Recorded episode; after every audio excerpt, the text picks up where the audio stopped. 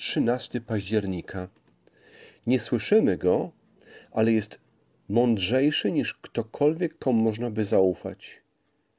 Nie widzimy, ale jest wierniejszy niż ktokolwiek, komu moglibyśmy zaufać. Nie możemy go dotknąć, ale jest bliżej niż cokolwiek innego, czemu można by zaufać. To jedno z tych niezwykłych stwierdzeń na temat tego, co tylko łaska może osiągnąć. Na pozór nie wydaje się to mieć żadnego sensu. Gdyby nie było zakorzenione w najważniejszej prawdzie wszechświata, można by uznać zaangażowanych w to ludzi za szaleńców. O jaką prawdę chodzi? Chodzi o prawdę, która tworzy podział między ludźmi. Apostoł Paweł mówi, Piotr, przepraszam, apostoł Piotr mówi o wierzących, którzy żyją między dwoma rzeczywistościami, między tym, co już, a jeszcze nie. I kiedy o tym mówi, kiedy odnosi się do, do swojej, kiedy o tym mówi, odnosi się do swojej relacji z Jezusem Chrystusem. I mówi wtedy takie słowa. To jest pierwszy list Piotra, pierwszy rozdział od ósmego wiersza. Tego miłujecie, chociaż go nie widzieliście. Wierzycie w niego, chociaż go teraz nie widzicie. Weselicie się radością niewysłowioną i chwalebną, osiągając cel wiary, zbawienie dusz. Zwróćmy uwagę na charakter tego, co powyższy fragment mówi na temat najgłębszych motywacji w sercach Bożych ludzi. Podłączyli swoją najgłębszą miłość, wiarę i radość do kogoś, kogo nigdy nie widzieli, nie słyszeli i nie mieli okazji dotknąć. Umieścili wszystkie nadzieje i marzenia w tym jednym niewidzialnym. Ich relacja polega na przemieniającej życie miłości. Kiedy o nim myślą, doświadczają radości tak pełnej, że nie sposób tego wyrazić.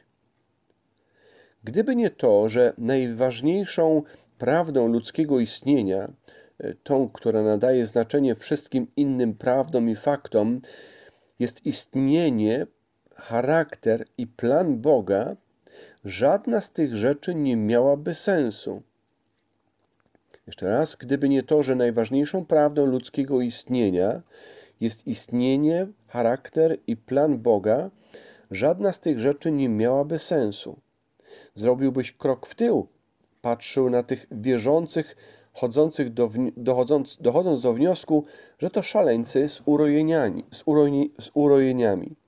Ale oni nie zwariowali.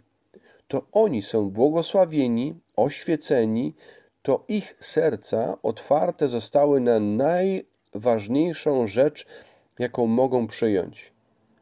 Tak właśnie działa łaska.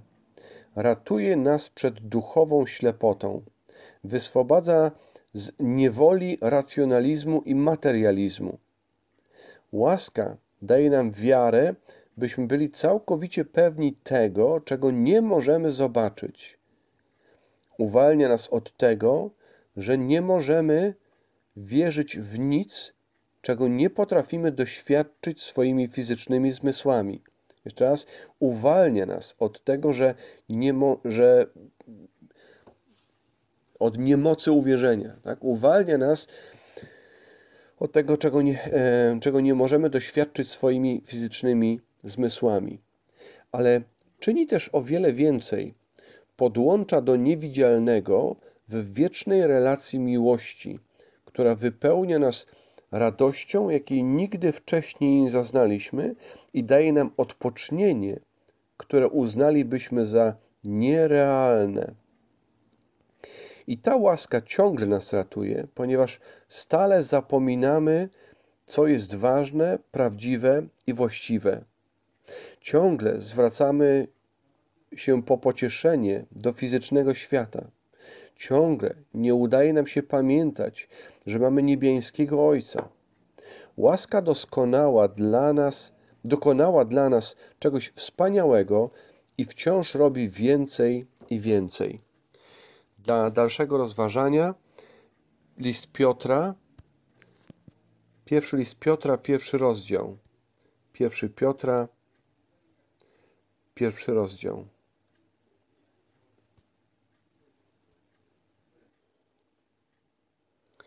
Ja, Piotr, apostoł Jezusa Chrystusa, piszę do wybranych, którzy jako cudzoziemcy mieszkają rozproszeni w Poncie, Galacji, Kapadocji, Azji i Bitynii, których Bóg wybrał według wcześniejszego poznania i uświęcił swoim duchem, po to, żeby byli mu posłuszni i oczyszczeni krwią Jezusa.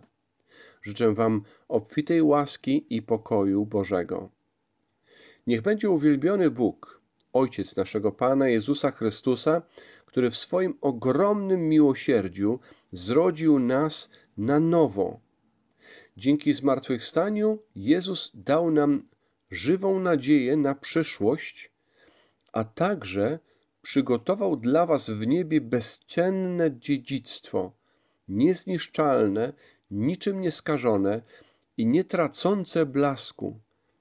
On ochrania to wszystko, tak jak ochrania swą, potęż... tak jak ochrania swą potężną mocą i was, ufających Mu, by w odpowiednim czasie ukazać wszystkim wasze zbawienie.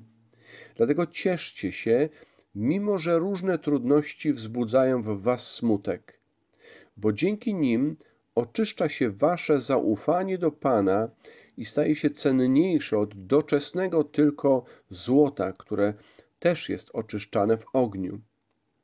A gdy Chrystus powtórnie się objawi, wasza wiara zostanie doceniona i otoczona chwałą. Wiem, że chociaż nie widzieliście Pana, to bardzo Go kochacie.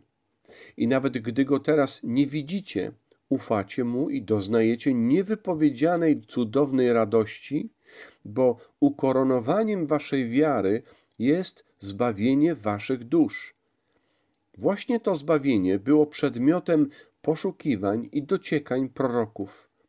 Zapowiadali oni tę łaskę przeznaczoną dla was i zastanawiali się, kiedy wydarzy się to, o czym kierujący nimi Duch Chrystusa mówił. A mianowicie, kiedy nadejdą cierpienia Chrystusa i kiedy objawi się Jego chwała. Bóg powiedział im, że nie oni to zobaczą, ale wy. I właśnie o tym powiedzieli wam ci, którzy przedstawiali wam Ewangelię z pomocą zesłanego z nieba Ducha Świętego. Nawet aniołowie chcieliby to wszystko poznać. Pozdrawiam.